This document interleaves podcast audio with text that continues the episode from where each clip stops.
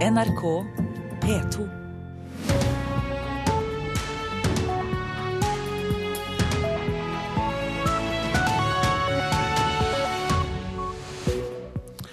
Øystein Heggen ønsker deg velkommen til Nyhetsmorgen torsdag 18.12. Dette er hovedsaker 6.30. Filmpremiere avlyst etter trusler fra nordkoreanske datahackere. Hvorfor krangler vi så mye om hvor eh, sykehusene skal ligge? Vi prøver å gi svar i Nyhetsmorgen mens vi venter på endelig vedtak i sykehusstriden mellom Molde og Kristiansund. Ingen flere forsøk med valgfritt sidemål i skolen, sier regjeringen. Lokalpolitikere får nei på sine søknader. Og foreldre på Rjukan kjemper for å få tilbake elevenes lunsjtilbud. I mellomtida lager de maten selv. I dag er det en sånn her svinekraft til eh, pølsene, og så er det eplekraft til laksen. Løk er viktig. Liker unger løk? Ja, Hvis de ikke ser det, så liker de det. Jarle Skårdal får du høre mer om her i Nyhetsmorgen. Filmstudioet Sony har stoppet lanseringen av komedien The Interview etter dataangrep og trusler om terror. Selskapet har mottatt advarsler om at publikum som oppsøker kinoene kan bli utsatt for angrep. Nord-Korea mener filmen er en krigshandling. Take him out. You want us to assassinate the leader of North Korea? Yes. Filmen The Interview handler om et drapsforsøk på den nordkoreanske lederen Kim Jong-un. Sony har tidligere blitt utsatt for et stort dataangrep fra anonyme hackere, og har mottatt en rekke trusler. Nord-Korea nekter for at de står bak angrepet, men amerikanske sikkerhetseksperter sier de er sikre på at angrepet er organisert av Nord-Korea. Tirsdag denne uken økte intensiteten i striden. Hackergruppen advarte publikum om å holde seg vekk fra premierekinoene senere denne måneden og minnet om terrorangrepene i 2001. So once it moves into the physical world where you're talking about possible physical harm, Når det beveger seg vekk fra trusler mot Sony og enkeltindivider til trusler mot publikum, så blir det noe helt annet, sier Hollywood-reporter Rebekka Sønn. Først stoppet Sony premieren, nå har de stoppet hele filmen. Sa utenriksmedarbeider Halvard Sandberg. Folkevalgte fra begge partier i USA kritiserer avgjørelsen om å endre landets politikk overfor Cuba, men amerikanere flest er positive til å forbedre forholdet til øya. Færre enn 20% av amerikanerne er imot å opprette diplomatiske forbindelser til Cuba. Det viser en undersøkelse som er utført for nyhetsbyrået Reuters. President Barack Obama kunngjorde onsdag at USAs diplomatiske forbindelser til Cuba blir gjenopprettet. Meningsmålingen eh, ble utført eh, før denne kunngjøringen kom. Mer om dette etter klokka sju her i eh, Nyhetsmorgen. Nå til striden om det nye sykehuset for Nordmøre og Romsdal. I dag skal Helse Midt-Norge gjøre sitt vedtak om plasseringen av sykehuset, etter at helseforetaket i Møre og Romsdal gikk inn for å legge sykehuset til Molde i går. Det var et viktig vedtak, sier konstituert direktør i Helse Midt-Norge, Daniel Haga. Hvis vi greier å få vedtak videre fram, så eh, ser det ut som vi kan holde den tidsplanen som er planlagt. Det ønsker jeg inderlig for befolkningen i Nordmøre og Romsdal. Hvor viktig var det å få et vedtak i Helse Møre og Romsdal i går? Jeg mener det var ganske viktig å få det vedtaket. Det er jo vårt styre som på selvstendig grunnlag må vurdere om de vil behandle saken. Eh, men jeg tror det hadde blitt i hvert fall mer krevende hvis det eh, Møre og Romsdal valgte å utsette saken. Fire styremedlemmer i Helse Møre og Romsdal stemte i går for tomten på Storbakken i Kristiansund. Men med fem stemmer for Oppdøl-tomten var det Molde som vant det første slaget. Det er potensialet i en fremtidig organisering som blir veldig førende for at jeg da eh, ramler ned på Oppdøl. Sa styreleder Stein Kinserdal i går. Nordmøre og Romsdal skal få ett felles sykehus som skal erstatte de to nåværende i Molde og Kristiansund. Det største sykehuset ligger i dag i Molde. Styremøtet var preget av mange følelser. På gata i Kristiansund og i Molde reagerte folk ulikt på gårsdagens vedtak. Det var godt. Jeg er pensjonist, men jeg har jobba på sykehuset i Molde, på patologen. Men hvor det blir etterpå, om det blir ro i saka, det har jeg liten tro på. Reaksjonen er jo veldig skuffende. Det er jo helt uh, hinsides det som skjer. Jeg håper ikke vedtaket blir stående. I dag skal altså Helse Midt-Norge komme med sin innstilling på et styremøte i Stjørdal. Styremedlem Tore Kristiansen vet hva han skal stemme i dag. Det er nok forskjellige meninger om fortsatt hvor hen sykehuset vil ligge. som jeg har fått eh, kjennskap til, så er vi forskjellige meninger på det, ja. Noen ønsker Storbakk, og noen eh, ønsker på eh, nært Molde. Jeg holder landet på Kristiansund. Hvorfor? Jeg tror det er det beste for innbyggerne i hele Møre og Romsdal. At vi har sykehus som ikke ligger for tett sammen. Tror du at det er flertall for Kristiansund i styret? Nei, det tror jeg ikke. Jeg tror nok det lander på Molde. I går kveld var styret i Helse Midt-Norge samlet for å få en orientering av styrelederen i Helse Møre og Romsdal. Konstituert direktør i Helse Midt-Norge, Daniel Haga, vil ikke si for mye om hva gårsdagens vedtak har å si for dagens møte. Det vil ikke jeg eh, spekulere i. Det er klart det at det er gitt en eh, innstilling eh, og et vedtak om forlatelse som en anbefaling til Midt-Norge. Det vil sannsynligvis ha noe å si for møtet. Men nå er saken lagt fram og i hendene på styret. Og det er nå de som må uh, diskutere og gjøre beslutninger. Og Det ble stort oppmøte i Ålesund i går. Uh, mye presse, mye publikum, stort engasjement. Venter dere samme trykket på deres styremøte? Dette er en sak som engasjerer, opplagt. Og, det gjør at vi forventer jo at det kommer folk og har tilrettelagt for det. Eh, så her vil det være plass til ganske mange hvis de ønsker å komme. Klokka ni i dag begynner Helse Midt-Norge sitt styremøte. Og i morgen skal helse- og omsorgsminister Bent Høie ta den endelige avgjørelsen i sykehussaka. Og det var flere som hadde jobbet fram denne saken. Reportere var Ivar Lid Riise, Maria Kristina Vevang og Ann Kristin Listøl. Professor ved Avdeling for helseledelse og helseøkonomi ved Universitetet i Oslo, Terje P. Hagen. God morgen til deg. Takk for det. Ja, Hva er kjernen i denne striden? Kjernen er at vi har med to veldig små byer å gjøre. Eh, de er begge for små til å ha ett sykehus hver. Eh, Kristiansund har et befolkningsgrunnlag på halvparten av eh, Frogner bydel i Oslo, altså rundt 25 000, og tilsvarende er det i Molde.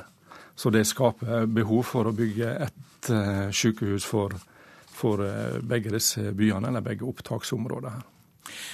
Så det som er eh, essensielt her, eh, som ligger bak, er at man må ha store enheter. Men må man det? Hvis du ser på andre land som restrukturerer sykehussektoren fullstendig, f.eks. Danmark, så bygger de akuttsykehus for et opptaksområde på mellom 250 og 350 000 innbyggere. I Norge er geografien litt annerledes, så vi må akseptere at vi bygger for mindre. Eh, men i utgangspunktet så er altså både opptaksområdet til Kristiansund sykehus og, og Molde sykehus på, på rundt sånn 50 60 000 hver, og det blir for lite. Så en må, en må bygge ett for hele området. Det virker jo sånn sett logisk, men likevel så skaper dette enormt engasjement, veldig strid. Og hvorfor gjør det det? Ja, enorm strid. Eh, og det har selvfølgelig sammenheng med at dette gir eh, Ja, det har både en sånn helsemessig eh, effekt. Altså du skal ha akutt eh, beredskap, du skal komme deg raskt til sykehuset hvis du har behov for det. Og dette gir arbeidsplasser. Så eh, det nye sykehuset vil gi mellom 2000 og 3000 nye arbeidsplasser. Og det er klart at det er sårt tiltrengt i begge disse byene, og kanskje særlig i Kristiansund, som, som har et svakt næringsliv. Du har jo i din forskning bl.a. spurt om Norge er verdensmester i helse eller ikke. Det er jo et stort spørsmål, men er vi det? Ja, Vi har bra helsetjeneste i Norge. Eh, vi har nettopp undersøkt dette i en stor europeisk undersøking. Og, og den viser at vi kommer relativt eh, godt ut.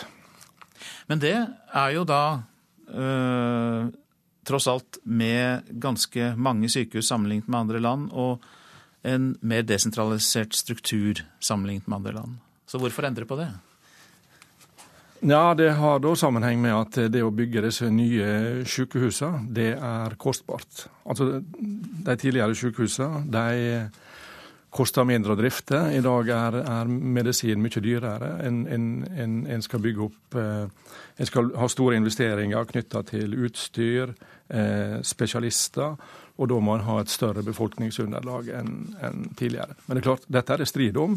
Eh, det er ingen fasit på hvordan en skal gjøre dette. Eh, slik at det som på en måte tvinger fram eh, beslutninger om eh, ett sykehus her, det er kort og godt begrensninger på, på de ressursene som politikerne har stilt til rådighet. Der står saken nå, så får vi se hvor det lander til slutt. Det er altså striden mellom eh, Kristiansund og Molde som var utgangspunkt for denne samtalen med deg. Takk skal du ha, Terje P. Hagen, som er professor ved Avdeling for helseledelse og helseøkonomi ved Universitetet i eh, Oslo. Vi har ikke gitt oss helt med sykehus. Brannvesenet er ikke fornøyd med brannsikkerheten på Akershus universitetssykehus på Lørenskog. Nå trues sykehuset med dagsbøter. Ved sykehusets sprinkleranlegg ble det i 2013 avdekket 105 store feil og mangler, og fortsatt er 35 av avvikene ikke rettet på. Ansatte ved sykehuset får heller ikke den brannopplæringen de skal ha. Nord-Europas mest moderne sykehus omtales det gjerne som. Men ikke alt er som det skal bak den moderne glass- og murfasaden i Lørenskog. En kontroll i 2013 avslørte en lang rekke feil og mangler ved anlegget som skal forhindre brann. Her var det da anført 105 eh, avvik, som eh, kan ha stor betydning eh, i forhold til brannsikkerheten. Av de 105 så er det da lukka 70. Det sier senioringeniør Sven Knappskog ved Nedre Romerike brann- og redningsvesen. Fristen sykehuset hadde på å rette de resterende 35 feilene i sprinkleranlegget, utløp nå i november. Brannvesenet har varslet sykehuset at det vil vanke dagsbøter dersom feilene ikke er rettet innen 15.2. Det handler bl.a. om at dysene i taket som skal sprute vann ved brann, ikke er der de skal være. Det de skal dekke er for langt unna. altså Det, det må monteres flere sprinklerhoder.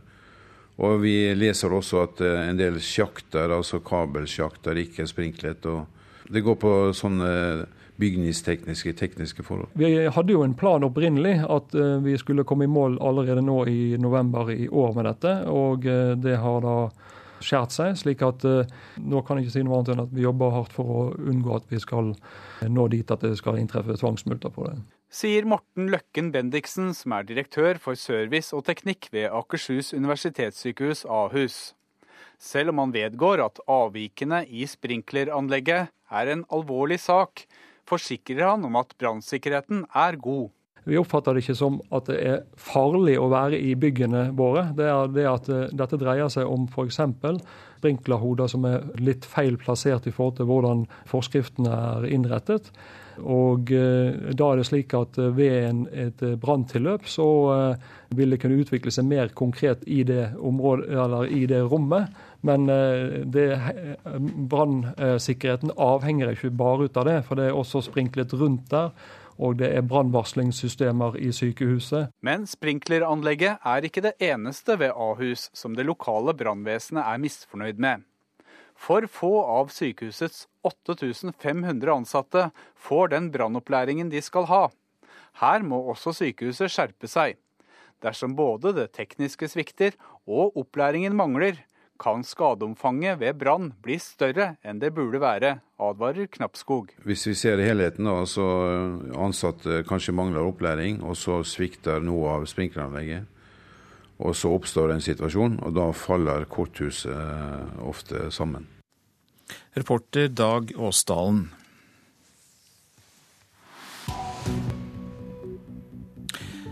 Så til eh, avisene.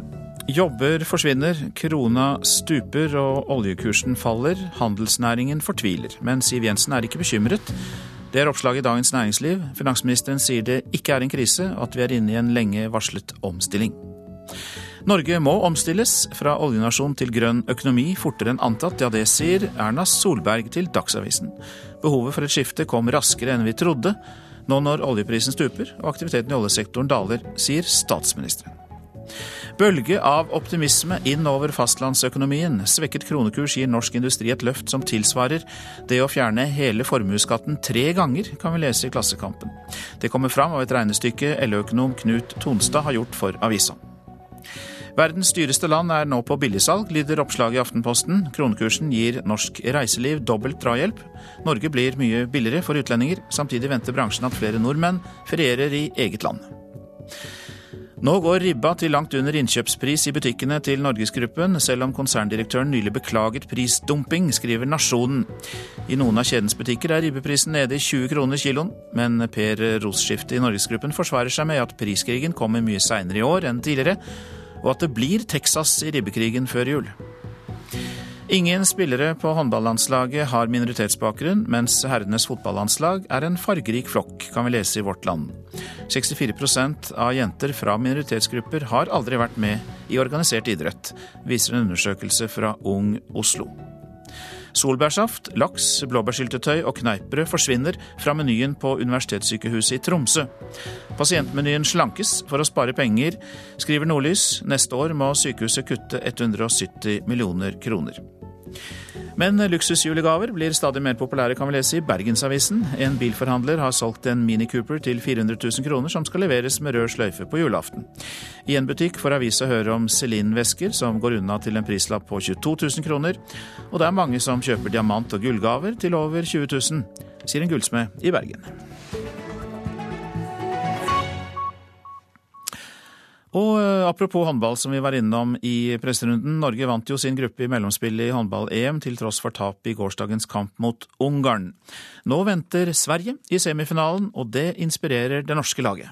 Jeg, jeg gleder meg veldig til å møte Sverige. Det blir eh, veldig bra. Og nå må vi bare eh, hvile og restituere oss inn mot kampen mot Sverige, for eh, den semifinalen den skal vi ta. Sa Heidi Løke etter gårsdagens kamp, hvor hun startet som venstrekant pga. sykdom i den norske troppen. Landslagssjef Torir Hergersson tror det blir en jevn affære mot våre svenske naboer. Det er et godt lag. Det er uh, meget sterkt lag, kollektiv. Uh, og sjansen er 50-50, sånn som det ser ut nå. Det er ganske god mulighet. Nora Mørk ble hvilt og spilte bare 15 minutter i en kamp som var uten betydning for Norge. Mørk øyner nå finalen i mesterskapet. De har gjort det veldig bra til nå og har et bedre lag enn på lenge, men uh sjansen er, eh, er, utrolig stor for å klare å komme seg til en finale. og Jeg tror alle jentene ser en god mulighet til det. og det, Vi blir ekstra gira nå. Vi har lyst til å ta Sverige. Norge kan forvente seg en motstander som spiller ganske lik håndball som dem, sier NRKs ekspert Øystein Havang. Jeg tror Sverige er et lag som spiller veldig likt Norge. Det er eh, bygd på et godt forsvar, solid målvakt. Eh, og så får vi en åpen kamp med fordel Norge i utgangspunktet og Heidi Løke har allerede resepten for seier klar. Vi skal forberede oss skikkelig godt inn mot Sverigekampen, og så skal vi bare kline til fra start. Reporter Fredrik Stuve. Du hører på Nyhetsmorgen. Klokka den er 6.47. Dette er hovedsaker. Filmpremieren på komedien The Interview avlyst etter terrortrusler fra det som trolig er nordkoreanske datahackere. Folkevalgte fra begge partier i USA kritiserer avgjørelsen om å endre landets politikk overfor Cuba, men amerikanerne flest er positive til å forbedre forholdet til øya. Ingen flere forsøk med valgfritt sidemål i skolen, sier regjeringen. Lokalpolitikere får nei på sine søknader. Mer om det snart. Foreldre på Rjukan kjemper for å få tilbake elevenes lunsjtilbud. Tidligere fikk elevene ved ungdomsskolen gratis frokost og rimelig lunsj. Kutt i skolebudsjettet fjernet tilbudet i fjor. Og nå lager foreldrene maten i håp om at politikerne snur. Hvis vi får dette til å se litt fint ut, så kan det hende at eh, fisken går først. Det er da han blir glad innvendig. Det er da han blir lykkelig. Skal vi se om han kan få ungene til å spise sunn mat, da. Det er mandag formiddag ved Rjukan ungdomsskole. Jarle Skårdal forbereder lunsj til 120 elever. I dag er to oppskrifter. Laks med eplesaus og risotto. Og så er det pølse med mandelpotetmos og brokkoli og blomkål. Noen timer tidligere har stefaren møtt opp i tussmørket. Med seg inn på skolekjøkkenet har han laks, kyllingpølser, grønnsaker og gryter med ferdigkokt kraft. I dag er det en sånn her svinekraft til eh, pølsene, og så er det eplekraft til laksen. Løk er viktig. Liker unger løk? Ja, Hvis de ikke ser det, så liker de det. Det er ingen som spør deg hva som er i maten din? Nei, det gjør de ikke. De, de stoler på at det at det som løk det, det, Løk er veldig sunt, da. Og så mener jeg da. Og det gir en veldig god smak, da. Det var i fjor høst at elevene mistet kantinen sin med gratis frokost og rimelig lunsj. Kommunen skulle jo spare inn, sant. Og da ble den stillingen her tatt vekk. Så for å vise kommunen at det, eh, dette her er eh, nødvendig, så er dette et prosjekt nå som vi har holdt på med dette her høstsemesteret nå, for å vise at ungene vil spise ordentlig mat. Og hvis de, hvis de får skikkelig skikkelig kost på skolen, så vil jeg tro at prestasjonen også ville komme. Ernæringsfysiolog Monica Stang har undersøkt kostholdet hos Rjukan-elevene. Hun støtter Skårdal i at elevene trenger næringsrik mat på skolen. Man får ikke i seg de rette næringsstoffene, og når man sitter på skolebenken, så skal man ta til seg veldig mye kunnskap, lærdom. Det koster veldig mye energi for hjernen. Og når man da får i seg veldig mye sjokolade og brus, så er jo det rent hvitt sukker, som overhodet ikke gir noe god energi. Hva slags kosthold har de? Noen er veldig flinke til å spise frokost og ha med seg nistepakke. Mens en del andre sier de ikke spiser frokost, og kanskje ikke spiser lunsj heller. Og ofte går i butikken og kjøper da brus og sjokolade og Tebrix. Noen gutter i 9. klasse kommer for å hjelpe til. Å, det var godt. Var ikke det? Tenk på den oppå fisk, ja. Med den risen ved siden av. Det blir digg. Så klokka halv elleve stimer elevene inn. Fisk. Det går unna med fisken. Det gjør det. det er helt overraskende. Elevrådsleder Ane Elnes sitter sammen med klassekameratene i niende. Nå håper hun politikerne sørger for at elevene får mat på skolen. Både frokost og lunsjtilbud er veldig viktig for skolen og for elevene som er her. For alle som eh, kanskje ikke har råd til å kjøpe seg noe annen mat, og de som kanskje sitter litt alene, så blir det et samhold i det, og noe sunt og noe godt til, til andre, alle elevene på skolen. Og det er så utrolig viktig, mener jeg, fordi at eh, det er sunt, og det er godt, og det er sosialt, og alt er bare så bra med det. Reporter på Rjukan, Anne Katrine Syversen. Etter regjeringsskiftet så trodde mange lokalpolitikere at det skulle bli åpning for å prøve ut valgfritt sidemål i skolen. Stavanger og Buskerud sendte inn sine søknader, men regjeringen har ingen planer om å åpne for flere forsøk. Det var to tomater som eh, gikk over en vei. Så ble den ene eh, påkjørt. Da sa den andre 'kom igjen, ketsjup'. Tror jeg. Altså, jeg er ikke helt sikker. Jeg er ikke et geni. Sier Johan Omland i 9. klasse på Kannik skole i Stavanger. Oversetting av vits fra bokmål til nynorsk var en av oppgavene i terminprøven i sidemål, et fag han ikke er så glad i. Jeg er ikke så utrolig fan av det, for å si det rett ut. Så du kunne tenkt deg å slippe hvis du fikk eh, muligheten? Absolutt.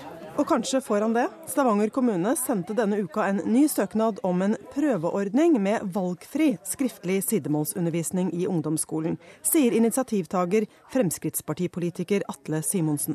Ja, men nå er det en ny regjering og en eh, ny statsråd som gjerne har litt andre tanker om dette. Eh, og vi har vært klare på hele tida at vi syns at eh, sidemålet skal være valgfritt.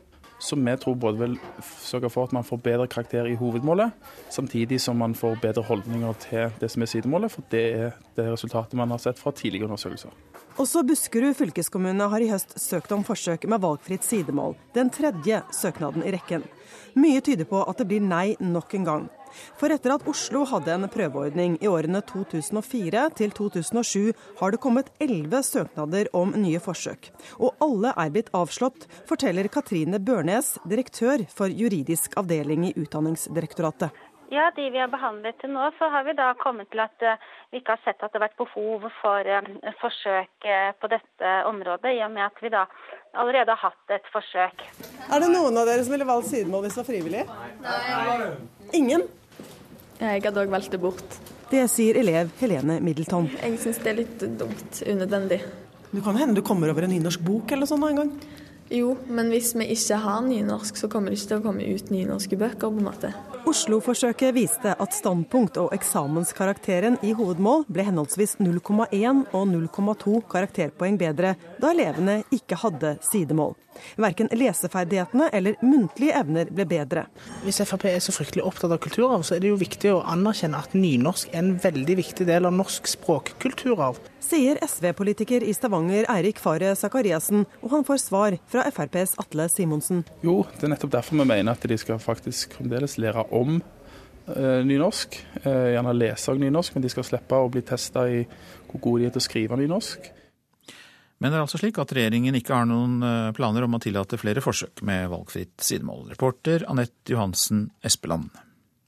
Nå om Serial, en amerikansk podkast som har blitt veldig populær over hele verden. Dette radioprogrammet, som kan lastes ned fra nettet, krevde et års forarbeid før det ble lansert tidligere i høst. Siden den gang har drapsetterforskningen til journalisten Sara Koenig fått millioner av lyttere, og mange mener hun baner vei for mer satsing på podkast. Og eh, i dag blir siste episode lagt ut til nedlasting. Previously on Serial.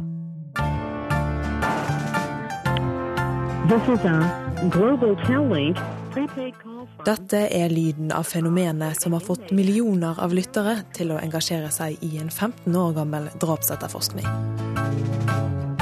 From This American Life in WBEZ Chicago, it's Serial. One story told week by week. I krimpodkasten Serial følger vi journalist Sarah Kaning mens hun etterforsker drapet på en tenåringsjente i Baltimore i 1999. I november passerte podkasten fem millioner nedlastinger. Det er ny rekord.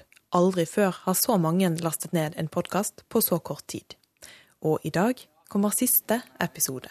Jeg er veldig spent. Eh, og vi snakka litt om i forrige episode av, av Serial-podkasten at man liksom, har jo vært spent hele tida, men òg kjenner at det begynner å bli litt på tide. Ragnhild Laukholm Sandvik er programleder i Salongen på NRK P2 og har sammen med kollegaene i programmet fulgt Serial tett. De siste månedene har de laget podkast om podkasten. For å få stagga sulten mellom fra torsdag til torsdag, så har jo enkelte drevet hørt på de amerikanske podkastene om denne podkasten. Det fantes ikke i Norge. Så vi klarte å få lurt inn i timeplanen og sette av en time til å halvtime time da, til å snakke om Serial ukentlig nå de siste, siste halvparten av sesongen i hvert fall. Remember how last time I ended by saying that the detectives had other leads in this case besides Mr. S, the guy who found Hayes' body? Kaning tar gjennom tolv episoder for seg gammelt bevismateriale, snakker med gjerningsmannen og finner nye spor.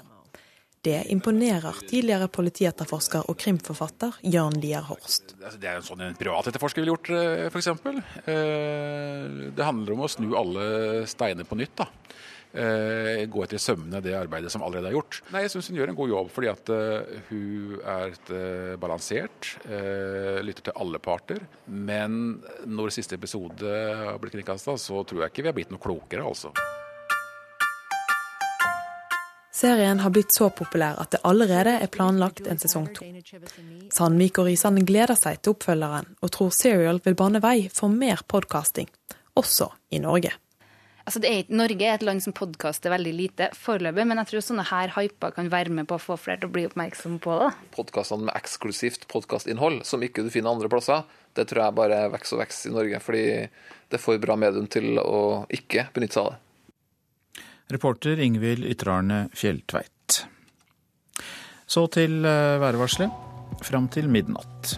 Fjell i Sør-Norge, kuling utsatte steder. Snøbyger, vesentlig i vestlige områder.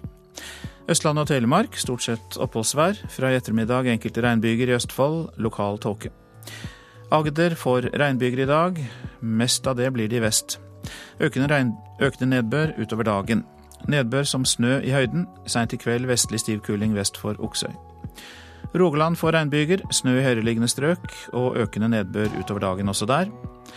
Hordaland og Sogn og Fjordane sørvest liten kuling, i nord stiv kuling utsatte steder.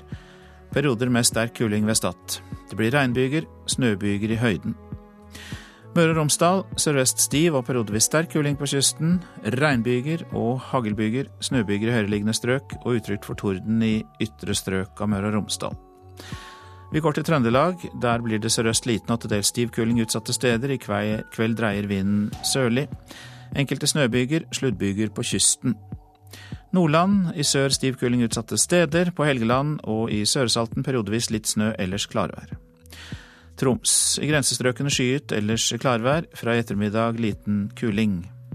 Finnmark i kyst- og fjordstrøkene enkelte snøbyger, ellers delvis skyet oppholdsvær. Og Nordensjøland på Spitsbergen delvis skyet oppholdsvær. Temperaturer målt klokka fire i natt. Svalbard lufthavn minus åtte. Kirkenes minus to.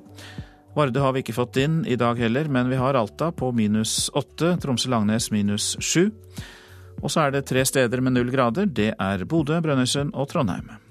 Molde to grader, Bergen fem, Stavanger seks, Kristiansand Kjevik minus én, Gardermoen minus fem, Lillehammer minus sju, Røros minus 14 og Oslo-Blindern minus to.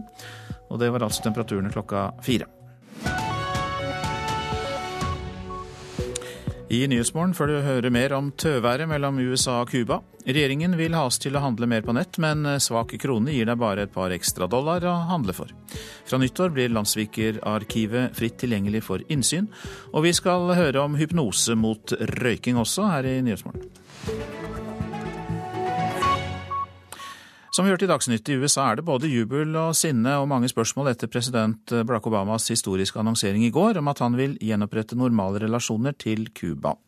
En amerikansk ambassade i Havanna kan være noe av det første som kommer på plass. Only way Cuba is going to change is by the Cuban people removing this person from power. To generasjoner cubanere her i USA har ulike meninger om sjokknyheten president Obama kunngjorde i går. Joaquin Cabreras, som driver restaurant utenfor Washington, mener ingenting blir bedre på Cuba før Castro-regimet er borte. Rosa Maria Castenada kom til USA som fireåring, og sier hun er forsiktig optimist. Change, again, Men alt avhenger av hva som skjer videre nå, sier hun til NBC. Hva som skjer nå, er uklart.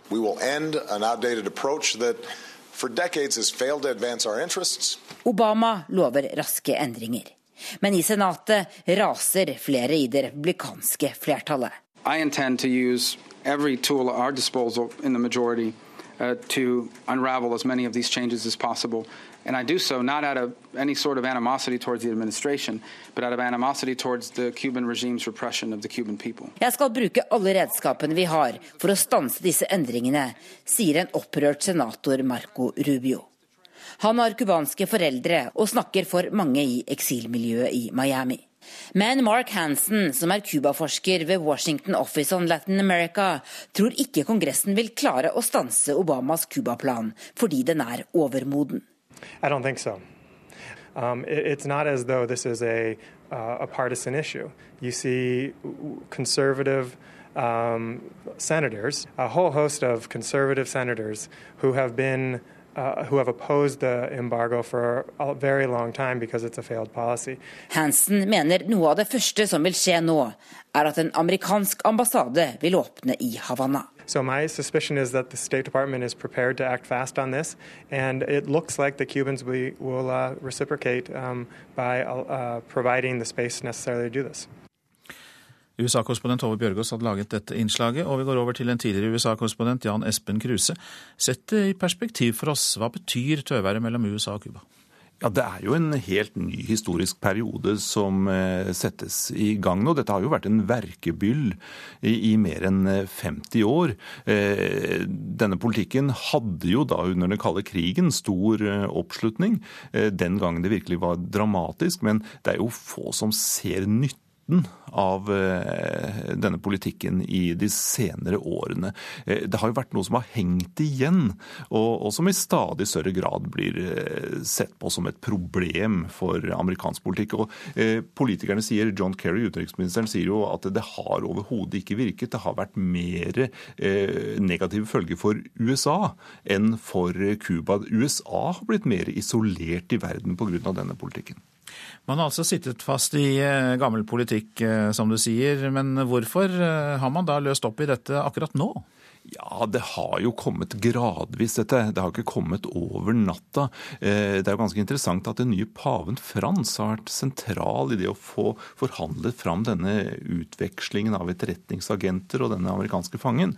Så, så den katolske kirken har vært der. Men altså, har, alle har jo sett et behov for å få til dette. Det har bare vært veldig vanskelig å få til det praktiske uten at eh, man mister altfor mye ansikt på eh, begge sider. Og det har man jo da klart å få til en vri hvor man viser velvilje. Og det er klart at eh, det betyr jo veldig mye for Cuba økonomisk å komme ut av denne blokaden.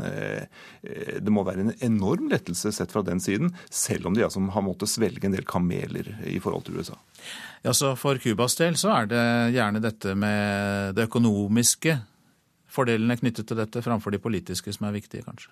Ja, det er nok en kombinasjon. Altså, man blir jo på en måte tatt imot på, i, på, i verdenssamfunnet. Altså Cuba blir jo på en måte en, det blir jo en legitim stat overfor de aller fleste land. Eh, for denne amerikanske embargoen har jo eh, hatt eh, spredt seg ganske vidt utover verden.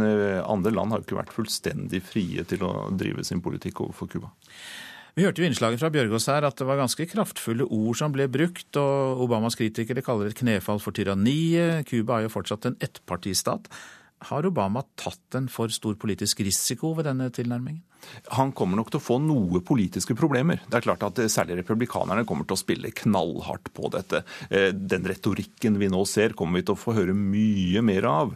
Eh, men samtidig så viser jo den siste meningsmålingen at amerikanere flest støtter støtter altså en oppbygning og ikke, kan, ikke, ser at denne handelsblokaden bør fortsette.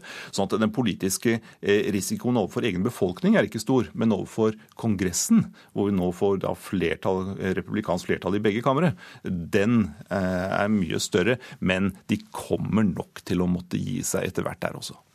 Takk for at du orienterte oss om dette, tidligere USA-korrespondent, utenriksmedarbeider Jan Espen Kruse. Regjeringen vil gi nordmenn mulighet til å handle mer moms- og tollfritt på nett fra utlandet, men den svake krona gjør at effekten knapt blir merkbar. Den nye grensen for fritt kjøp uten avgifter er jo nå på 350 kroner, og inkluderer jo også fraktkostnader, og med litt porto på kanskje 10 dollar, så vil du bare kunne handle for noen få dollar mer når 2015 melder sin ankomst. You shop, we ship. Shop when you want, from where you want. Your online shopping partner. Mulighetene for å handle varer over nett fra utlandet har ikke akkurat blitt færre de siste årene. Men for mange har kunsten vært å holde seg under 200 kroner for å unngå moms. Og 1.1 kan norske forbrukere handle for 350 kroner inkludert frakt momsfritt fra utlandet. Men det spørs om den nye grensa merkes. Det er klart det at Forbrukeren eh, vil jo ikke nyte så godt av det akkurat nå. Det sier forbrukerøkonom Elin Reitan i Nordea. Siden i sommer har krona svekka seg med over 20% mot dollaren, og det betyr at de ekstra kronene man får å handle for når momsgrensa øker til 350 kroner, ikke får så stor effekt. Men sånn som det ser ut nå, så går vinninga litt opp i spinninga? Eh, ja, det kan du egentlig si, hvis man sammenligner med hva man fikk eh, igjen eh, for pengene i, i sommer. Så vil jo, vil jo, man ikke få så mye igjen i, i 2015. Skal du handle i en amerikansk nettbutikk som tar rundt 10 dollar i frakt, så vil du med dagens dollarkurs kunne handle for omkring 34 dollar med den nye grensa. I sommer, da grensa var 200 kroner, portoen ikke var inkludert og krona var sterk, kunne du handle for 33. Samla sett så tror jeg at det kommer til å bety at veksten i netthandelen avtar noe. Sier sjeføkonom Lars Hårtveit i hovedorganisasjonen Virke. De advarte mot at norske arbeidsplasser og butikker ville lide voldsomt hvis momsgrensa økte, men de må innrømme at den effekten ikke kommer med det aller første. Så akkurat i januar kommer ikke dette til å bli så mye, men når vi er kommet til sommeren, så eh, er forskjellen vil være større. da. Og over tid, ettersom eh, så vil jo svekka krone gi økte innkjøpskostnader for eh, handelen. Og da er vi tilbake nærmest i samme situasjon. Men selvfølgelig, 350 er bedre enn 500. Også forbrukerøkonomen tror effekten kan bli større etter hvert, men inntil videre er det lite å hente. Varer som kanskje var eh, billig, eh, eller som du kanskje sparte mye på å kjøpe i utenlandske nettbutikker eh, før, eh, ikke er så mye billigere sammenlignet med norske butikker lenger. Men på sikt så vil det jo være eh, gode nyheter for dem som handler mye på nett. So save time and shop online. Innslaget var laget av eh, Ingrid Johanne Stenberg. Fra nyttår eh, så skjer det endringer med Landsvik-arkivet. For det blir nemlig fritt tilgjengelig for innsyn. Og hvem som helst kan eh, grave i opplysninger om folk som var mistenkt og kanskje ble dømt for å ha gått i nazistenes ærend. Regjeringen Nygaardsvold er trådt tilbake. Den nasjonale regjering har overtatt regjeringsmakten. Dette er Vidkun Quislings kuppforsøk på radioen den 9. april 1940. Etter krigen ble NS-lederen dømt til døden i Landsvik-oppgjøret, som omfatta 92 000 nordmenn.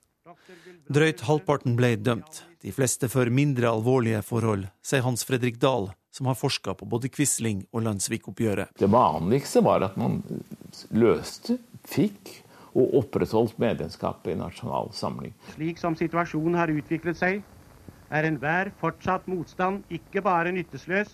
Mens Quisling i radiotalen trua med at enhver motstand var nytteløs, ble andre straffeforfulgt, bl.a. for angiveri, for å ha verva seg som soldat i tysk tjeneste, for å ha profittert på okkupasjonen, og altså for å ha vært medlem i Nasjonal Samling etter 9. april. Til å lyde ordre utelukkende De fleste fikk en hva vi må se som forholdsvis mild straff, um, men de ble altså strafferettslig forfulgt. De ble, de ble definert som forbrytere, da, for å si det enkelt. Og de ble fratatt stemmeretten i ti år.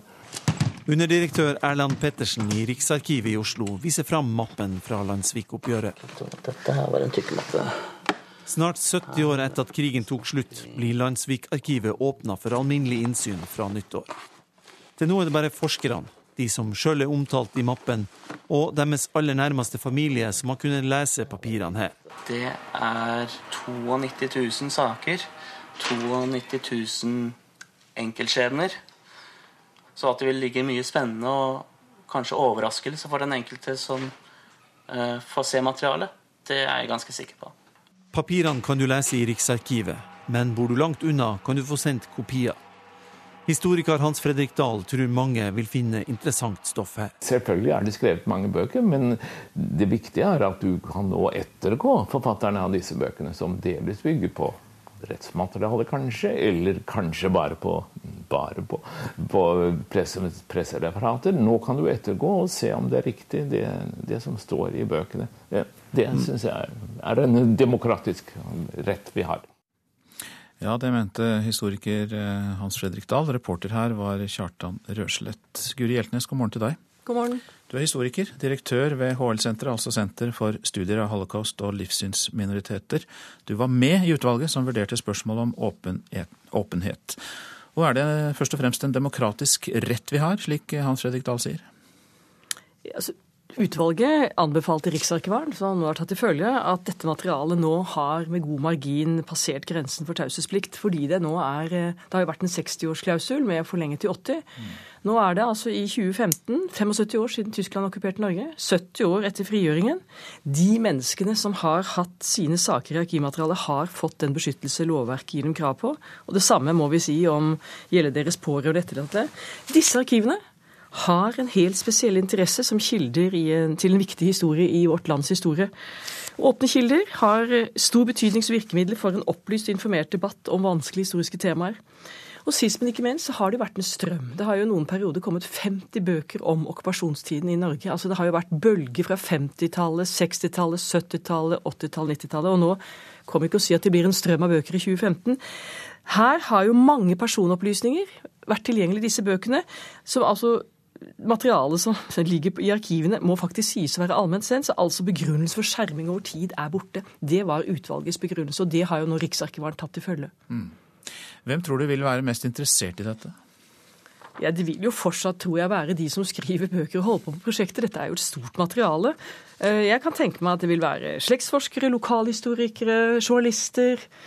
Forskere, andre, men man trenger nå ikke ha aktverdige motiver for å søke om adgang. Nå kan du gå inn. Så må man jo si at det er jo et svært materiale. Det er jo ikke bare bare å liksom trykke på en knapp. Man må finne, man må ha et navn, man må spørre. Og det er jo en jobb å gjøre. Man må brette opp ermene og, og gå gjennom mappene. Men det er jo et enestående materiale.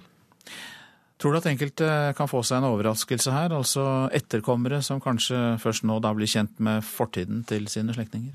Helt sikkert. Det er et enestående materiale fordi det er så omfangsrikt. Det er så mange. Man kan gjøre store systematiske undersøkelser. Men det kan jo slå andre, andre veier også. Noen kan jo bli skuffet hvis man går til arkivet med en hypotese, et rykte, og så får man det avkreftet. For det er jo et veldig stort, omfattende faktisk materiale i en landssviktsak. Så plutselig så sier de at denne kilden nå at den og den ikke deltok i dette. Det var faktisk ikke slik, så man får jo korrigert ting. Og det er jo også veldig viktig, sånn, det er jo demokratisk at vi nå kan eh, gå i fotsporene til andre og se hva som er gjort. Hva er, hva man, hvis man har hatt en tykk mappe, hva har man tatt, løftet fram, hva har man ikke tatt med? Ikke noen av disse landssvikssakene er tynne, og noen er tykke. Slik at det er, det er jo virkelig spennende. jeg tenker at på litt lengre sikt så vil jo dette berike vår kunnskap om okkupasjonstiden. Fortsatt er det jo slik at det er arkiver som dere ikke vil åpne for fritt eh, innsyn. Og helt til slutt, eh, kan du fortelle oss eh, noe om dem? Ja, Nå er det ikke denne gruppen som gir adgang, det er, det er gitt en råd. Men det er jo to arkiver især som har vært trukket fram. Det er Lebensborn-arkivet og det såkalte Hovedtøy-arkivet. Og Der mente dette utvalget jeg var med i, at disse arkivene trenger en egen vurdering og en liten forlengelse av av åpen adgang. Det, sies, det, må jo sies at utvalget er veldig opptatt av at det skal legges til rette med forskning, eh, men det er sensitivt materiale. I Lebensborg-arkivet er det opplysninger om kvinner som ble gravide med tyske soldater, om barna som ble født, altså som i dag lever, eh, og opplysninger om adopsjon og barnevernsakter er allment underlagt en taushetsplikt i 100 år. Det er det ene arkivet. Og det andre er hodearkivet som gjelder interneringen av kvinner på hodet etter krigen. Og det er helt klart at Utvalget eh, konstaterer at det er meget stor samfunnsmessig interesse for å undersøke nærmere hva som skjedde med tyskejentene denne våren og sommeren 1945. Og Dette materialet er godt egnet til å finne ut mer om den stemningen. På den annen side så er det jo sensitive opplysninger her. Det handler om omgang med, ø, omgang med fienden seksuelt, mulig å sykdom og en rekke personlige forhold. Eh, men igjen, man, man, anbefaler at det legges godt til rette for forskning på dette. Mange takk for at du kom til Nyhetsmorgen. Historiker Guri Hjeltnes, som også var med i utvalget som uh, vurderte og ga råd i uh, dette spørsmålet. Klokka har passert 7.19 nettopp. Vi har disse hovedsakene i Nyhetsmorgen. Både jubel og sinne i USA etter kunngjøringen av diplomatiske forbindelser med Cuba. Regjeringen ville la oss handle mer på nett, men svak krone gir deg bare et par ekstra dollar å handle for neste år.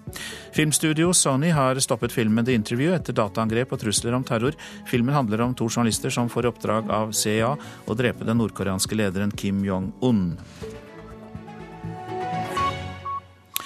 I dag skal den russiske presidenten Vladimir Putin gjennomføre sin årlige spørsmålsrunde, der han får innspill fra publikum.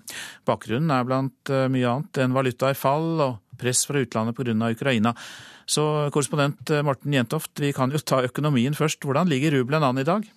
Ja, den har eh, stabilisert seg noe i forhold til det som man her snakker om. Den svarte tirsdagen, altså på tirsdag, hvor vi jo så et rubelfall på nesten 20% og folk eh, fryktet virkelig et totalt kollaps av eh, den russiske valutaen. I går så gikk regjeringen og sentralbanken inn med kraftige støttetiltak. Det roet seg noe ned. Og nå ser vi altså en, en rubelkurs der man må betale rundt ja, 65 til eh, kanskje 70 mm, eh, rubler for én dollar. Altså langt, langt mindre enn det som det var på det verste på, på, tirsdag. Så de har i alle fall midlertidig stabilisert seg noe, og det er jo selvfølgelig et godt utgangspunkt når eh, Vladimir Putin i dag skal møte rundt 1000 journalister til sin årlige pressekonferanse. Er det ventet at han får det ubehagelig, at det blir hett og kraftige og vanskelige spørsmål å svare på? Ja, Vladimir Putins uh, pressesekretær Dmitrij Peskov han sier det at uh, den russiske presidenten han er klar til å svare på alle spørsmål. Det ligger ingen begrensninger i hva vi journalister kan, uh, kan spørre om. Men det er klart at, og vi, kjenner jo også Putin fra den type pressekonferanser der han ofte selv går relativt offensivt til verks mot sine, sine kritikere kritikere. Så det kan jo bli spennende å se hvordan Putin legger opp strategien på pressekonferansen i dag. For han har vært relativt stille i forbindelse med denne verste økonomiske krisen som Russland opplever på veldig mange år. Han har skjøvet eh, statsminister Dmitrij Medvedev litt foran seg da, som den som da må ta støyten. Men nå eh, er det altså Vladimir Putin selv da, som skal gå på å forsvare den økonomiske politikken. Forsvare hvorfor det har gått sånn som det har gått uh, akkurat nå. Og Det blir jo spennende om han da vil velge å finne syndebukker blant sine egne, sparke noen uh, i regjeringen sin, i sentralbanken f.eks. Eller om han vil velge en offensiv holdning og si det at dette er igjen Vesten og utenlandske krefter som er ute etter å ta og ødelegge Russland. Hvilke tiltak eh, kan det tenkes at han kommer med for å ta oppmerksomheten bort fra økonomien? Ja, nettopp uh, vil han uh, komme med noe Det er vel tvilsomt om han vil komme med det, men vil han uh, si at noen må gå pga. Av, av, av det som har skjedd? Men det er jo også de som frykter at Russland, for å vende oppmerksomheten bort fra dette, vil fortsette en aggressiv linje overfor Ukraina. Fortsatt aktiv støtte til separatistene øst i, i Ukraina. Altså rett og slett skjerpe krisen rundt Ukraina istedenfor å, å, å roe den ned. Men man kan også velge selvfølgelig den andre linjen, som det har vært litt snakk om nå, at man inngår et form for kompromiss rundt Ukraina, og dermed eh, får hevet noen av eh, sanksjonene fra Vesten. og på den måten kanskje avverge en, en ytterligere forverring av den økonomiske krisen i Russland. Mange takk, Moskva-korrespondent Morten Jentoft. Nå til avisene. Jobber forsvinner, krona stuper, oljekursen faller og handelsnæringen fortviler. Men Siv Jensen er ikke bekymret. Det er oppslaget i Dagens Næringsliv. Finansministeren sier det ikke er en krise, og at vi er inne i en lengre varslet omstilling. Norge må omstilles fra oljenasjon til grønn økonomi fortere enn antatt. Ja, det sier Erna Solberg til Dagsavisen. Behovet for et skifte kom raskere enn vi trodde, nå når oljeprisen stuper og aktiviteten i oljesektoren daler, sier statsministeren. Bølge av optimisme innover fastlandsøkonomien. Svekket kronekurs gir norsk industri et løft som tilsvarer det å fjerne hele formuesskatten tre ganger. Det kan vi lese i Klassekampen. Og tallene kommer fra et regnestykke som LO-økonom Knut Tonstad har gjort for avisa. Verdens dyreste land er på billigsalg, lyder oppslaget i Aftenposten. Kronekursen gir norsk reiseliv dobbelt drahjelp. Norge blir mye billigere for utlendinger. Samtidig venter bransjen at flere nordmenn ferierer i eget land. Nå går ribba til langt under innkjøpspris i butikkene til Norgesgruppen, selv om konserndirektøren nylig beklaget prisdumping, skriver Nasjonen. I noen av kjedens butikker er ribbeprisen nede i 20 kroner kiloen. Men Per Rosskifte i Norgesgruppen forsvarer seg med at priskrigen kom mye seinere i år enn tidligere, og at det blir Texas i ribbekrigen før jul. Ingen spillere på kvinnenes håndballandslag har minoritetsbakgrunn, mens herrenes fotballandslag er en fargerik flokk. Det kan vi lese i Vårt Land. 64% av jenter fra minoritetsgrupper har aldri vært med i organisert idrett, viser en undersøkelse fra Ung Oslo. Solbærsaft, laks, blåbærsyltetøy og kneippbrød forsvinner nå fra menyen på Universitetssykehuset i Tromsø, skriver Nordlys. Pasientmenyen slankes for å spare penger. Til neste år må sykehuset kutte 170 millioner kroner. Men luksusjulegaver blir stadig mer populære, kan vi lese i Bergensavisen. En bilforhandler har solgt en Mini til 400 000 kroner, som skal leveres med rød sløyfe julaften. I en butikk får avisa høre om Celine-vesker som går unna til en prislapp på 22 000 kroner. Og det er mange som kjøper diamant- og gullgaver til over 20 000. Ja, det sier en gullsmed i Bergen. Mange nordmenn sliter med å stumpe røyken, og noen går lenger enn andre. Øystein Lundberg fra Østre Toten har røyket siden han var sju år gammel, og har satset på hypnose. Morgenen går relativt greit, for nå har jeg fått buble til meg en halv sånn sneip fra i går. da. Nå er jeg jo nedpå tre-fire i døgnet i stedet for 30-40. Øystein Lundberg begynte så smått å røyke som sjuåring, og i perioder har han også stått opp om natta for å ta seg en røyk. Etter 40 år som storrøyker var han lei av å stå ute og røyke mens de andre var sammen inne. Jeg har drivet prøvd å slutte lenge, jeg, etter mange år. Jeg har prøvd sånn plaster. Og da så det ut som hesten til Pippi Langstrømpe etter hvert. da. Fikk sånne fine røde roser over hele kroppen der du har hatt sånne plastre, da. Ja, ja. Og det er jo fint. Etter å ha sett hypnose på TV ville han prøve. Og så hypnotiserte han folk. Altså en som danser med en sånn feiekost. Så tenkte jeg at hvis de tror den er jævlig fin, så går det an å innbille folk alt mulig annet rart òg. Mens du nå synker dypere og dypere avslappet, så forsvinner alle lydene langt bort. Vi er hos Kirsten Eva Male, hypnoterapeut på Gjøvik. Hun har fått Øystein helt avslappa, åpen og mottakelig. Nå begynner hun å jobbe med underbevisstheten hans. For du pleide å røyke når du sto opp om morgenen. Det kommer til å forandre seg nå. Isteden så har du lyst på en god kopp kaffe. Kanskje et glass juice eller vann eller noe. Det blir en trang for deg. For underbevisstheten er mye mindre vurderende enn bevisstheten. Så den tror i anførselstegn at hvis man eh, mister noe, så er det dumt. Så da eh, setter vi inn eh, en forsikring om at dette er bra. Det er en bra ting. Du blir fri. Altså ikke at du mister noe, men du blir fri fra noe. Men Hvor lenge varer dette her, da? For de fleste så varer det livet ut. Hva tenker du om dette her ikke er anerkjent som eh, metode? Det er litt pussig. Uh, uh, men fordi at jeg tror jo det er en mer effektiv metode enn å fortelle folk hvor farlig det er å preke moral. og Jeg tror ærlig talt ikke at det virker. Nei, Vi syns jo det er veldig bra at, at folk klarer å slutte å røyke og er ikke så opptatt av hvordan, eh, hvordan, de gjør det. Det er viktigere at de slutter, enn, enn måten de går sammen på for å klare å slutte. Seksjonssjef Bjørn Andreas Bang i Helsedirektoratet sier at røyking har gått kraftig ned siden slutten av 90-tallet. I fjor var det 15% av alle i Norge som røykte hver dag. Sjøl om pasienten på Gjøvik opplever gode resultater av hypnosen, er det ikke noe Helsedirektoratet vil anbefale. Det vi gjør er jo å anbefale metoder med, med dokumentert effekt. Eh, og vi eh, kjenner jo ikke til noen effekt av eh, hypnose ved røykeslutt. Men samtidig så vet vi jo at folk klarer å slutte på veldig mange forskjellige måter. Sånn at vi har ikke noe imot at folk bruker f.eks. hypnose hvis det er noe de kan få hjelp av. Jeg har aldri trodd at det gikk an. Nei, jeg trodde ikke noe på det. Nei, er du snål? Jeg tenkte at det der er bare tull, tenkte jeg, men det er verdt å prøve. Men, men, hva er det som gjør at du da plutselig røyker så mye mindre? Ingen anelse. Det er liksom eh, Behovet har blitt borte. Denne reportasjen var laget av Jorunn Wang. Du lytter til Nyhetsmorgen, produsent i dag Vidar Eidhammer. Her i studio Øystein Heggen. Hvem er Anna Kinnberg Batra? Møt den nye lederen av Høyres søsterparti Moderaterna i reportasjen etter Dagsnytt. Og da snakker vi altså om Sverige. Asyl- og flyktningepolitikk og sykehusstrid i Nordmøre og Romsdal, det er de to temaene som dukker opp i Politisk kvarter kvart på åtte.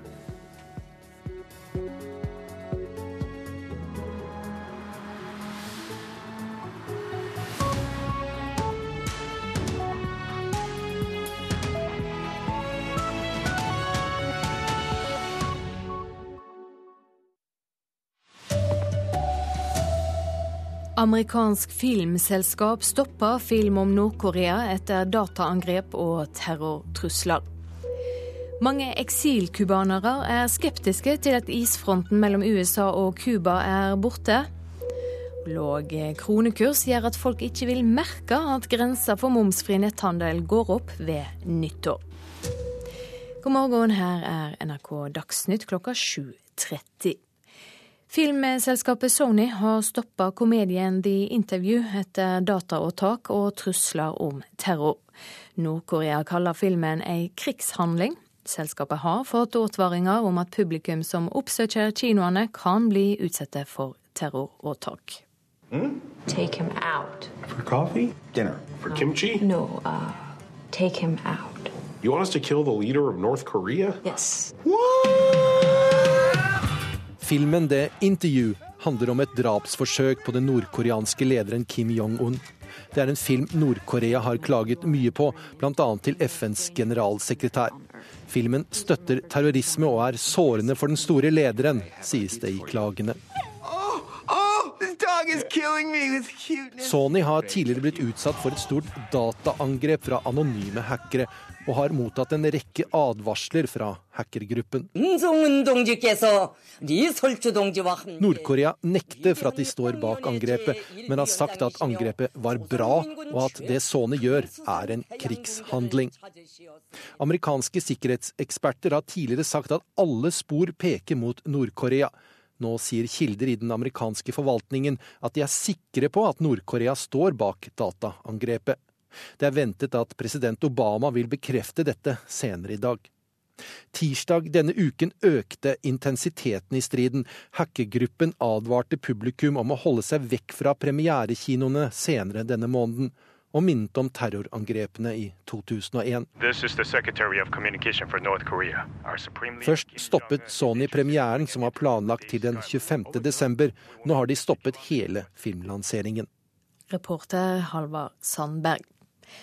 I USA er det både jubel, sinne og mange spørsmål etter president Obamas historiske annonsering i går om at han vil gjenopprette normale relasjoner til Cuba. En amerikansk ambassade i Havanna kan være noe av det første som kommer på plass. This opens the door for a positive change, but again, it's all about what happens next. Det store spørsmålet er hva som skjer nå, sier Rosa Maria Castenada til NBC. Hun kom til USA som fireåring, og stoler ikke helt på at livet til folk i landet der hun ble født, vil bli bedre med det første.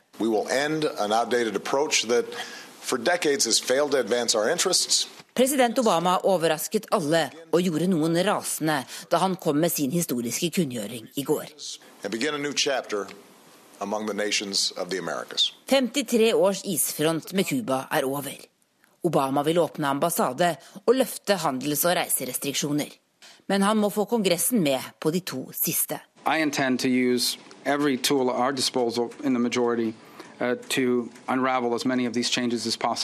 Jeg skal bruke alle redskapene vi har i Senatet for å stanse dette, sier en rasende senator Marco Rubio. Republikaneren fra Florida har foreldre fra Cuba, og mener Obama stiller altfor få krav til kommunistregimet. President Obama has broad discretion to do uh, Mark Hansen er Cuba-forsker ved Washington Center on Latin America. Han tror ikke Kongressen vil klare å stanse Obamas Cuba-plan, fordi den er overmoden. So. Reporter i USA, Tove Bjørgaas. I dag skal Helse Midt-Norge vedta hvor de mener det nye sykehuset for Nordmøre og Romsdal skal ligge. Et knapt flertall i styret i Helse Møre og Romsdal gikk i går inn for at sykehuset skal plasseres i Molde. At det nå ser ut til å gå mot Molde både gleder og opprører folk i de to byene Molde og Kristiansund. Det var godt. I pensjonismen jeg har jobba på sykehuset i Molde, på patologen. Men hvor det blir etterpå, om det blir ro i saka, det har jeg liten tro på. Reaksjonen er jo veldig skuffende. Det er jo helt uh, hinsides det som skjer. Jeg håper ikke vedtaket blir stående. Bakgrunnen er altså at Nordmøre og Romsdal har for få innbyggere til å få to nye, dyre lokalsykehus, og derfor må nøye seg med ett. Det fins gode argumenter for begge lokaliseringsalternativer, sier professor i helseledelse og helseøkonomi ved Universitetet i Oslo, Terje P. Hagen. Argumentene for Molde er at det er de som i dag har flest helsepersonell. Og det er lokalisering i Molde som gir kortest reiseavstand for summen av alle pasienter. Argumentene for Kristiansund er at dette er per i dag en eh, næringssvak region. De har behov for arbeidsplasser. I tillegg så er Kristiansund den plassen som vil minimere reiseavstanden for de som skal reise lengst. Klokka ni begynner Helse Midt-Norge sitt styremøte. Styremedlem Tore Kristiansen vet hva han skal stemme. Jeg holder ned på Kristiansund. Hvorfor? Jeg tror det er det beste for innbyggerne i hele Møre og Romsdal. At vi har sykehus som ikke ligger for tett sammen. Tror du at eh, det er flertall for eh, Kristiansund i styret? Nei, det tror jeg ikke. Jeg tror nok det lander på Molde. Og i morgen skal helse- og omsorgsminister Bent Høie ta den endelige avgjørelsen i saka. Reporter Tom Ingebrigtsen. Regjeringa vil gi nordmenn høve til å handle mer toll- og momsfritt på nett fra utlandet, men den svake krona gjør at effekten knapt blir merkbar. Den nye grensa på 350 kroner inkluderer også fraktkostnader, og med en porto på rundt 10 dollar vil du bare kunne handle for noen få dollar mer etter nyttår. Mulighetene for å handle varer over nett fra utlandet har ikke akkurat blitt færre de siste årene. 1.1 kan norske forbrukere handle for 350 kroner inkludert frakt momsfritt fra utlandet. Men det spørs om den nye grensa merkes. Det er klart det at Forbrukeren eh, vil jo ikke nyte så godt av det akkurat nå. Det sier forbrukerøkonom Elin Reitan i Nordea. Siden i sommer har krona svekka seg med over 20% mot dollaren, og det betyr at de ekstra kronene man får å handle for når momsgrensa øker til 350 kroner, ikke får så stor effekt. Hvis man sammenligner med hva man fikk igjen for pengene i sommer, eh, så vil jo man ikke få så mye igjen i 2015. Skal du handle i en amerikansk nettbutikk som tar rundt 10 dollar i frakt, så vil du med dagens dollarkurs kunne handle for omkring 34 dollar med den nye grensa. I sommer, da grensa var 200 kroner, portoen ikke var inkludert og krona var sterk, kunne du handle for 33. Samla sett så tror jeg at det kommer til å bety at veksten i netthandelen avtaler noe. Sier sjeføkonom Lars Hårtveit i hovedorganisasjonen Virke. De advarte mot at norske arbeidsplasser og butikker ville lide voldsomt hvis momsgrensa økte, men de må innrømme at den effekten ikke kommer med det aller første. Så akkurat i januar kommer ikke dette til å bli så mye, men når vi er kommet til sommeren, så er forskjellen vil være større da. So save time and shop online. Reporter her Inger Johanne Stenberg. I januar blir mappene i Landsvik-arkivet åpna for alle, snart 70 år etter at andre verdenskrig tok slutt. Og Dermed kan alle som er interesserte finne ut mer om hvorfor ei tante eller en sambygning ble etterforska for å ha støtta nazistene under okkupasjonen. I kjelleren på Riksarkivet ligger tusenvis av mapper som ikke har vært åpna på mange tiår.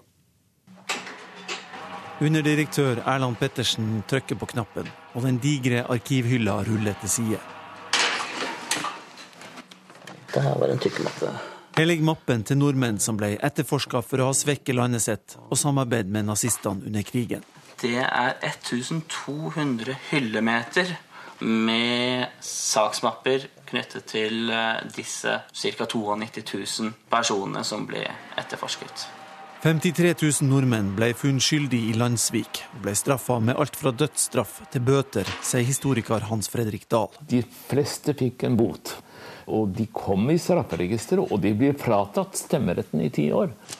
Til nå er det bare de som sjøl er omtalt i mappen, deres nærmeste familie og forskere som har fått se mappen her. Fra nyttår skal hvem som helst få bla i de mappene de måtte ønske i Landsvik-arkivet, sier Erland Pettersen. Og så vil vi gjøre vårt ytterste for å finne ut om vi kan eh, spore denne saken for deg. Mange lokalhistorikere kommer til å interessere seg for Landsvik-arkivet, tror Hans Fredrik Dahl. Men også den som lurer på hvorfor den fjerne slektningen ble omtalt som nazist, eller naboen dømt for Landsvik, vil finne interessante ting her, sier han. Folkesnakk og familietradisjoner og, og middagsbord, det du har hørt som barn, er ofte unøyaktig. Det å korrigere det mot ordentlige informasjoner, det syns jeg er en viktig ting. Reporter Kjartan Rørslett. Ansvarlig for Dagsnytt denne morgenen, Ulf Tannes Fjell. Teknisk ansvarlig, Marianne Myrhol. I studio, Silje Sande.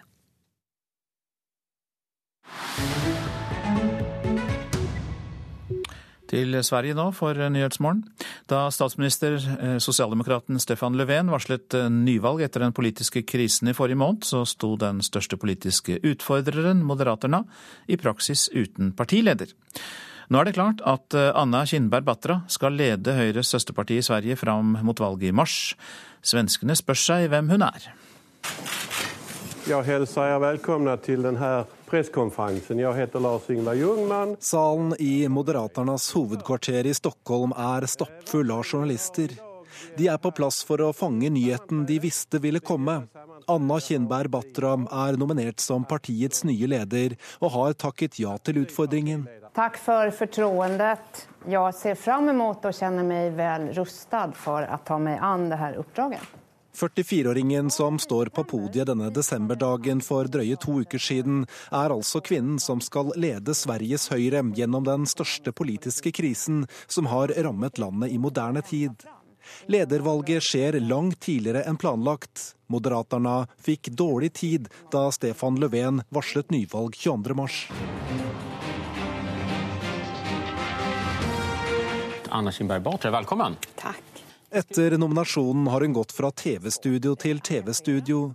Anna Kinberg Batra er en etablert svensk politiker, men ukjent som person for de aller fleste.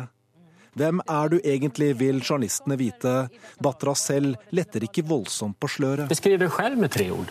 Svårt. Eh, engasjerende, eh, forberedt og eh, ser veldig mye fram mot å gå til ekstravalg med alliansen. Vi befinner oss jo i hjertet av Djursholm. Kristina Hultmann viser rundt i Djursholm, et av Stockholms mest eksklusive områder, hvor Anna Kinberg Batra vokste opp. De to var naboer. Hultmann, som nå er journalist og forfatter, mimrer tilbake. Hun var jo knappast noen normbrytere. Jeg tror at hun kommer til Djursholm i en tid når det behøves en sånn som Anna Kinberg, og flere sånne, og det fantes plass for henne. Eh, og kom jo i ledende posisjon innom MUF veldig tidlig. Allerede som 13-åring meldte Batra seg inn i Moderaternas ungdomsforbund. Hun steg raskt i gradene. I 1998 stilte hun til valg i Riksdagen fra Stockholm. Anna Kinberg stiller opp i riksdagsvalget om du tycker at det vore skjønt med litt mer anaisme. Men det var ikke den påkostede valgkampanjen som skulle skaffe Batra oppmerksomhet. Det klarte hun helt på egen hånd. Stockholm er smartere enn lantisar, tykker jeg. Men eh, er det liksom Hva sa du nå? At Stockholm er smartere enn lantisar? Ja. Den famøse uttalelsen om at folk fra Stockholm er smartere enn folk fra bygdene, følger henne fortsatt. Det er det dummeste jeg noen gang har sagt, sier Batra nå. Men så mye mer har ikke journalistene klart å finne. Det er vel talende at eh, veldig mange får lete langt ned i klipplådene for å finne noe hun har sagt overhodet. Og da har det vel vært mer av ja, litt nyliberal karakter i ungdommen. Eh, hva hun tykker nå er jo veldig uklart. Sier Anna Dahlberg, som er politisk redaktør i avisen Ekspressen. Men på ett område er Anna Kinberg Batra svært tydelig område som garantert vil stå sentralt i den kommende valgkampen. Jeg vil være tydelig med at vi kan og skal ta ansvar for f.eks. mennesker som måtte fly fra Syria nå. Så jeg står opp for at vi har et asylsystem der det er mulig. Sånt, det burde flere europeiske land ha. De neste tre månedene skal Anna Kinberg Batra lede Moderaterna og den borgerlige alliansen gjennom en valgkamp som kan gjøre henne til den første kvinnelige statsminister i Sverige noensinne. Det blir en uvanlig valgkamp, og Batra har særlig én bekymring. At det er så bråttom, kanskje. Mm. Eh, hvem hadde trodd for noen uker siden at vi skulle ha valg allerede i mars? Det var altså Anna Kinberg Batra, og reporter var Petter Auli Hauge. Dette er Nyhetsmorgen, dette er hovedsaker. Amerikansk filmselskap stopper film om Nord-Korea etter dataangrep og terrortrusler. Mange eksilcubanere er skeptiske til normaliseringen av forholdet mellom USA og Cuba, men et flertall av amerikanerne stiller seg positive til tøværet mellom landene. Lav kronekurs gjør at folk stort sett ikke vil merke at grensen for momsfri netthandel går opp til 350 kroner fra nyttår. Og i januar blir eh, mappene i Landsvik-arkivet åpnet for alle, snart 70 år etter at andre verdenskrig tok slutt. Cecilie Roang Bostad er programleder for Politisk kvarter.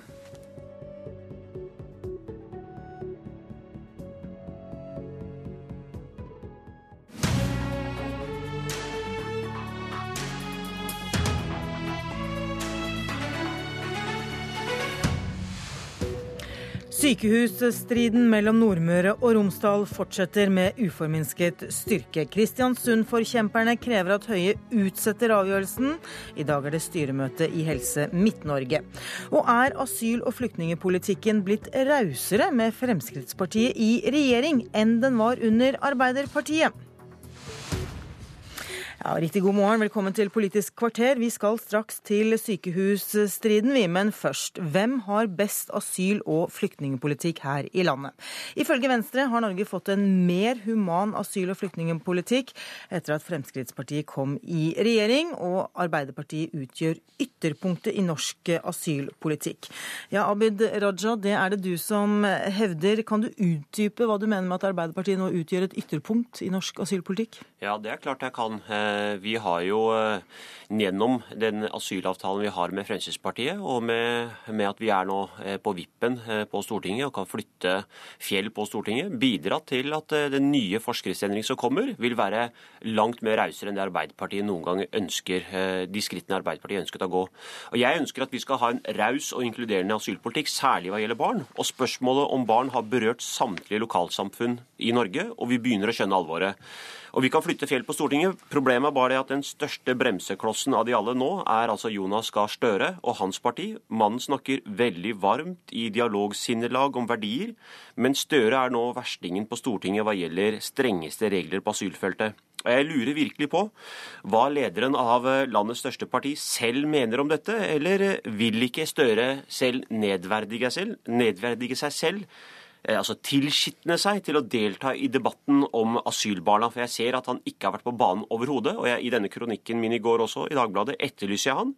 Er denne debatten under Støres verdighet? Og lar pressen han gå unna med at han skal slippe å svare på hva han mener om dette? Støre kunne ikke komme i dag, men det kunne du, Erik Sivertsen fra Arbeiderpartiet. Vil du svare på spørsmålene fra Abid Raja?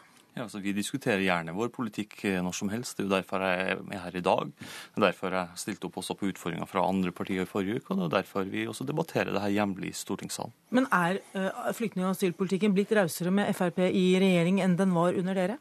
Altså, vi er ikke opptatt av å rangere, vi er opptatt av å føre en rettferdig, rettssikker og konsekvent asyl- og innvandringspolitikk. Det er det som er viktig for oss. Så, for, så registrerer jeg at eh, Frp har et veldig sterkt behov for å kalle oss uh, liberal, mens Venstre da i dag kaller oss det mest restriktive, eller et ytterpunkt på den, på den strenge sida. Som er viktig for Arbeiderpartiet, er at de som trenger beskyttelse i, og kommer hit og søker om det, får lov til å bli. De som ikke har krav på beskyttelse, de må reise hjem. Men er det slik det fungerer hvis eh, det, deres politikk hadde vært gjeldende i dag? Ja, altså, vi mener jo uh, at vi har drøfta det her grundig. Og når det gjelder barn, så la vi jo frem en egen stortingsmelding som het Barn på flukt. Den handler om å drøfte balansepunktet mellom det såkalte innvandringsregulerende hensynet og hensynet til barnas beste. Sammen med SV og Senterpartiet så mener vi at vi fant et uh, riktig uh, balansepunkt der. det handler jo om å ha en forutsigbar politikk. Det handler om å ha en politikk som er rettssikker og rettferdig, og ikke minst konsekvent. Og ikke drive og endre ut ifra ulike politiske posisjoner. Men det stemmer vel at regjeringen med Frp i i spissen i dag faktisk har sagt ja til flere kvoteflyktninger enn det Arbeiderpartiet har gjort? Ja, nå har... Og det er vel å være rausere? Eh, etter budsjettforliket så har jo kommet opp på det nivået vi foreslo for inneværende år. Eh, og Det eh, anerkjenner jeg både Venstre og KrF sin innsats for å dra regjeringa etter håret for å komme opp på det. For inneværende år så endte de opp med 500 mindre enn vi foreslo. Og vi støtter jo selvfølgelig det nivået og viderefører nivået vi foreslo for 2014 i 2015.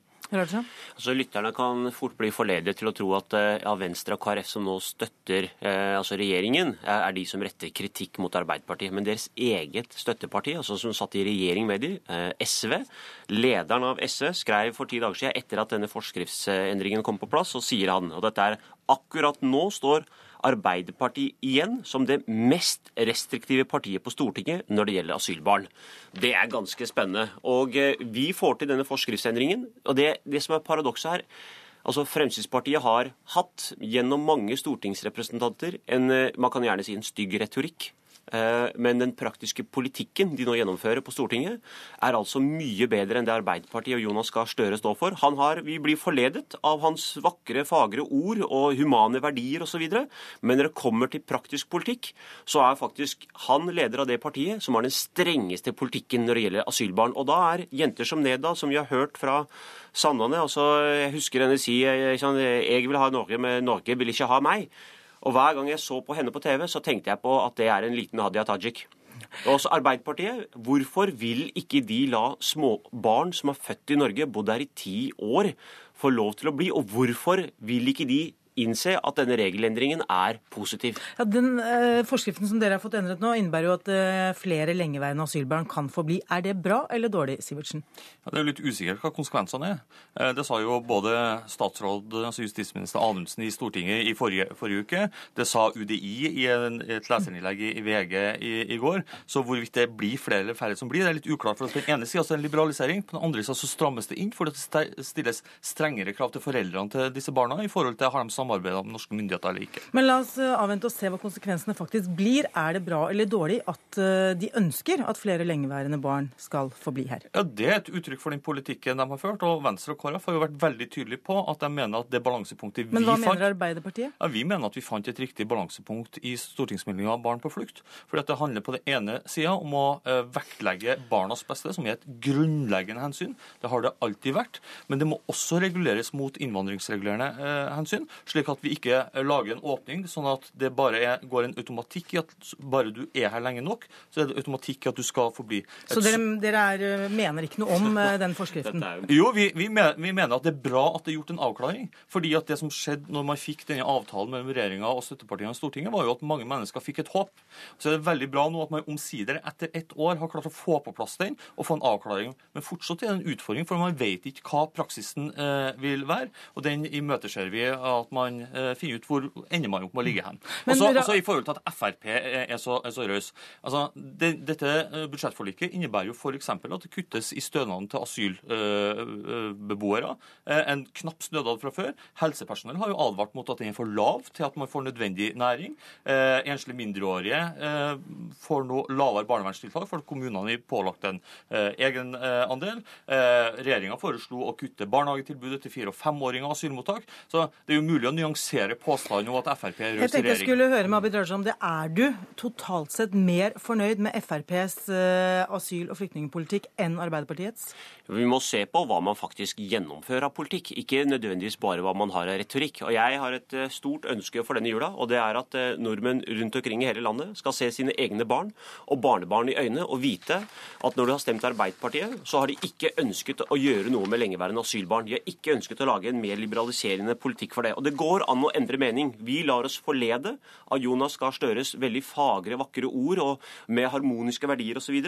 Men lagt retorikk til side, så er faktisk hans politikk den verste politikken for asylbarna på Stortinget, og det er Audun Lysbakkens ord. Vi får uh, vente og se om Støre vil svare på det ved en senere anledning. Takk for at Eirik Sivertsen kom hit, og takk til deg, Abid Raja.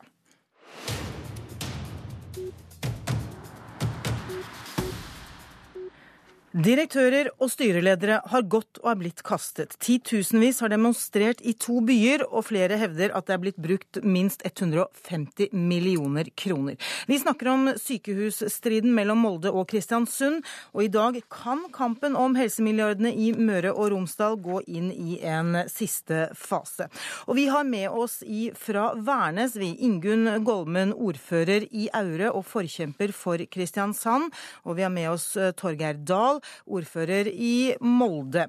Dere er med oss eh, fordi eh, Helse mm, Midt-Norge i dag skal holde et styremøte klokken ni, hvor de vil eh, tilkjennegi sitt syn på hvor de mener dette sykehuset skal bygges. Først til deg, Ingunn Golmen. Du sier nå at det ikke lenger er lokaliseringen som er viktig, men selve prosessen i forkant rundt lokaliseringen av sykehuset. Hva mener du med det? Aller først så må jeg korrigere deg på det at det er Kristiansund som er det andre alternativet hvor sykehus skal bygges, og ikke Kristiansand. Nei, det er helt korrekt, og det var selvfølgelig det jeg mente. ja. Eh, så er det jo slik at det, det, er jo ikke sånn at lokalisering ikke betyr noe. For det er klart at det gjør det. For oss på Nordmøre så har det vært veldig viktig å få eh, sykehuset eh, lokalisert til Nordmøre, pga. at vi mener at det er geografiske Eh, forskjellene som må, må, ligge til grunn her. Eh, Men du mener at hele avgjørelsen må utsettes. Hvorfor det? Ja, for å begrunne det, så er det jo det at eh, her har det jo vært en prosess som har pågått over lang tid. Over to-tre år med, med, utredninger. Og det har vært en prosess som vi for så vidt har hatt stor tillit til fra begge leirer, som jeg oppfatter det. I alle fall fra Nordmøres side. Eh, vi har også vært klar over det at eh, den prosessen skulle avgjøres med et eh, tomtelokalisering, og at det uansett ville bli et vanskelig valg. Men vi har òg sagt det at hvis dette nå fikk gå sin gang, så, så, ville vi respektere det valget som kom. Men så har vi nå helt i innspurten og avslutninga av denne lange prosessen, så har vi jo opplevd at det er så mye som har skjedd. Som du nevner, med avganger både av administrerende direktører og med utbytting av styreledere. Og det toppa seg jo nå da 4.12., hvor eh, administrerende direktør i Helse Møre og Romsdal, Astrid Eidsvik, valgte å, å, gå på dagen. Så dere har ikke lenger tillit til den prosessen som har skjedd i forkant? Nei, vi har i alle fall eh, mista veldig mye av den tilliten. Fordi at eh, vi opplever det at her er det noen som virker det fra vårt ståsted, mm. har gjort forsøk på å bytte ut personer som til fordel da for den ene lokaliseringa. Torgeir Dahl, ordfører i Molde. Dere kom et skritt nærmere et sykehus i går da Helse Møre og Romsdal gikk inn for en lokalisering i Molde. Er du enig i at eh, en utsettelse nå vil være riktig sett i lys av det som skjedde i går rundt eh, Eidsvik? Nei, det er helt uenig. Eh, det er åpenbart at Astrid Eidsvik sin avgang har skapt usikkerhet og utrygghet, spesielt på Nordmøre. Men eh, det er ikke riktig å utsette denne avgjørelsen nå. og Det var også Astrid Eidsvik eh, sin mening. Hun uttalte det i pressemeldingen i forbindelse med sin oppsigelse, at hun ønska at avklaringen skulle komme i henhold til plan. Og Det betyr at eh, styret i Helse Midt-Norge forhåpentligvis kommer til en endelig konklusjon i dag. Men har du tillit til... Vi har holdt på med dette her i så mange år nå. Det er gjort så mye utredningsarbeid. Eh, at nå tror jeg at både vi som sitter i dette her på uh, ulike nivå, men ikke minst alle de ansatte i sykehusene, spesielt i Molde og i Kristiansund, de fortjener en avklaring nå, og alle er enige om at beslutningsunderlaget er til stede. Men selvfølgelig også Gjelsvik sin eh, avgang har skapt usikkerhet, utrygghet og en masse ulike teorier og hypoteser. Men betyr ikke dette da at man bør eh, utrede dette nærmere før man faktisk går til en så stor og betent avgjørelse som dette faktisk er? Nei, altså det man skal gjøre nå, man skal beslutte hvor det skal bygges et nytt felles eh, sykehus for Nordmøre og Romsdal. Eh, man skal ikke utrede hva Astrid Eidsvik har ment, eller hvorfor hun sa opp, eller hva det nå måtte være. Det er styrene som uansett skal ta beslutningen. Eh, beslutningsunderlaget har vært et eh, idéfasedokument, det har vært en kvalitetssikring fra Holte Consulting, og det har vært et, et saksunderlag som faktisk Astrid Eidsvik gjorde ferdig. Det mangla kun ett element, og det var innstillingen til hvor dette sykehuset skulle være. Det, den innstillingen fikk ikke styret i Helse Møre og Romsdal, men de gjorde et vedtak uansett. Eh, styret i Helse Midt-Norge som skal behandle saken i dag, de har en uh, saksutredning og de har en innstilling. Uh, sånn at de har alt det som skal til for å gjøre en fornuftig beslutning. Ingunn Golmen, mange, mange tror og er vel ganske sikre på at de også i dag kommer til å gå inn for Molde. Er saken tapt for Kristiansund? Nå eh, vil ikke jeg si det at uh, saken verken er tapt eller vunnet for uh, noen av oss. for det, det, er snakk om at vi skal bygge et felles sykehus for hele Nordmøre og Romsdals region. Men, det, Men dere ber fortsatt om at prosessen så kommer vi til å gå videre med dette. her, for Vi vil ha fullt innsyn i hva det er som har skjedd. Hva er det som er bakgrunnen for de, de utbyttingene av personer som har foregått her utover høsten? Og hva var det egentlig Astrid Eidsvik ønska å, å, legge fram som sin innstilling? Og er det det at hun da eventuelt har et annet syn eh, og en annen innstilling enn det som eh, Helse Midt-Norge tydeligvis eh, har ønska? Golmen, helt kort, til, helt kort til slutt. Hva bør helseminister Høie gjøre? Veldig kort. Minister Høie bør utsette den endelige avgjørelsen til alt er kommet på bordet, til alle kort er snudd og til vi har fått full innsikt i hva det er som har skjedd. Da må jeg si takk til Torgeir Dahl, jeg er ordfører i Molde, og Ingunn Golmen, ordfører i Aure og forkjemper for Kristiansund. Styremøtet fra Helse Midt-Norge starter klokken ni. Det følges direkte her i NRK. Politisk kvarter er ved veis ende. I dag satt Cecilie Roang Bostad som program programleder. Hør flere podkaster på nrk.no podkast.